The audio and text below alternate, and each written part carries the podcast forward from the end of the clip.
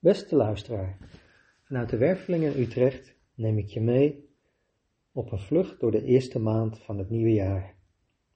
Want we zijn weer een jaargrens gepasseerd. 2021 ligt achter ons.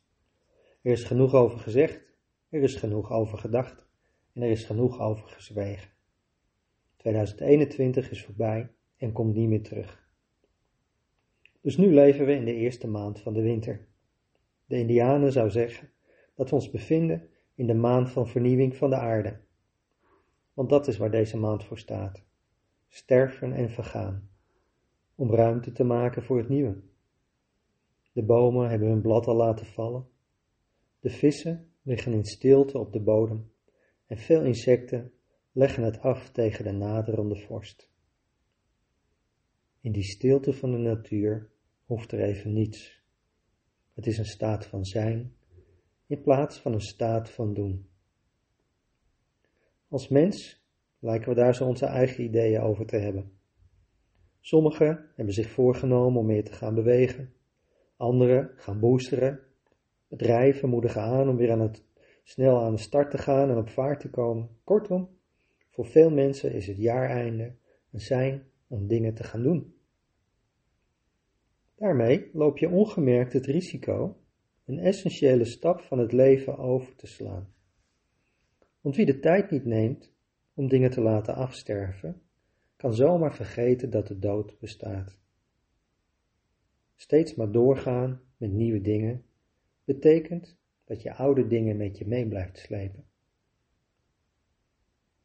Toch biedt januari je voldoende momenten dat je het sterven kunt ervaren, zonder dat je daar gelijk een dierbaar voor hoeft te verliezen of dat je zelf de planeet achter je moet laten. Denk maar eens aan je kerstboom. Kerstboom. Heb je bijvoorbeeld genoten van het afsterven van je Noordman kerstboom? De naalden die uitvielen, de takken die langzaam krom trokken. Meestal rond oud en nieuw is de dood in de boom al zo ver gevorderd dat de naalden bij het naar buiten gooien een spoor van verderf achter zich laten leven en dood in twee weken tijd vlak onder je eigen neus. Maar ja, zeg nou eerlijk, wie gaat er nu een week naar een kale kerstboom in zijn huiskamer zitten kijken? Tijd om te genieten van de naden die op de grond vallen, kale takken. Dat doe je ook niet. Dus voor je het weet ben je alweer aan het stofzuigen. En terwijl je toch aan het stofzuigen bent, dan maar meteen het hele huis opruimen. Maar niet alleen thuis zijn er momenten om je bewust te worden van het sterven, ook in ons werk. Zo was ik in een vorig leven ooit accountant. En daar vierden we het feest van de jaarafsluiting. Wanneer het boekjaar aan het einde was gekomen, moest er hard gewerkt worden om de cijfers over het voorbije jaar op te maken. Het was een soort van uitvaartceremonie in de eerste weken van het nieuwe jaar. En wat bleek als de uitvaart eenmaal had plaatsgevonden, kon je als accountant ontdekken dat al niemand meer was geïnteresseerd in het lijk van het vorig jaar. Heb jij je accountant ooit vergeleken met een grafdrager van het boekjaar? En niet te vergeten, ook in dit jaar kent Politiek Den Haag haar eigen stervensmomentje. Nu het demissionaire kabinet wordt vervangen door een nieuw. Hoe passend in het tijdsbeeld dat het sterven van het kabinet is gereduceerd tot een publicitair momentum. De oude lijken van het vorige kabinet gaan zonder te ontbinden door in het nieuwe. Als politiek inmiddels is verworden tot een soort zombie-werkelijkheid. Dus hoezeer we ook ons best doen door alles wat niet essentieel is in een lockdown op te sluiten. We begrijpen het belang van de dood niet echt. Immers, alles wat essentieel is mag niet sterven. Want dit is de tijd van healthy aging, waarin we met zoveel mogelijk mensen zo gezond en fit mogelijk, zo oud mogelijk willen worden.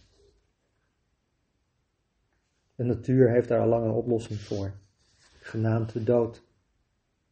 Maar sterven vinden we niet meer belangrijk. Misschien ook wel omdat we rationeel niet zo goed met de dood om weten te gaan. Middels technologische ontwikkelingen zoeken we naar manieren om het ideaalbeeld te bereiken. Het leven met een ritme van voorjaar, zomer, herfst, voorjaar, zomer, herfst en zo verder. Drie seizoenen in plaats van vier. Geduldig als ze is, speelt moeder aarde het spelletje met ons mee. Dus gunde ze ons de warmste jaarwisseling sinds tijden en laat ze ons nu ervaren hoe het is om zonder winter te leven. Het leven als een oneindige lijn van versnelling. Dat lijkt vreemd op zichzelf, want de natuur is niet gebouwd. Is de natuur niet gebouwd op een harmonie van seizoenen? Waarin het duister van de winter en het licht van de zomer elkaar in stand houden? Is het dan wel een kwestie van geduld? Of misschien is er wel iets anders aan de hand? Laten we eens dieper kijken in de wereld van de natuur. De natuur kent haar eigen ritme en haar eigen structuren. De seizoenen die elkaar opvolgen, de wijze waarop de ene soort dient als voeding voor de andere soort, in een steeds verder oplopende piramide, tot aan de top van macht in de voedselketen. Hé, hey, zul je denken, een piramide. Een piramide uit de voedselketen, die kennen we ergens van. Dat lijkt weer verdacht veel op de piramide van macht in de mensenwereld, waarbij je de machtigste mensen ter wereld zou kunnen vergelijken met de machtigste roofdieren uit de natuur. Maar, als de mens een wezen van de natuur is, lijkt er toch iets mis te gaan, want in de natuur doodt het sterkste roofdier niet meer dan nodig is. Bij mensen gaat dat anders. De machtigste mensen doden niet meer, ze sluiten nu zoveel mogelijk mensen op in kleine kootjes, genaamd huiskamertjes. En heb je ooit een leeuw gezien die antilopen op de steppen vetmesten in allerlei kleine kootjes? Misschien omdat hij bang is straks niet meer genoeg te eten te hebben? Waar de vergelijking ook niet opgaat, is dat de mens geïndividualiseerd is. Dus de groepstructuur van de dierenwereld werkt niet meer bij mensen.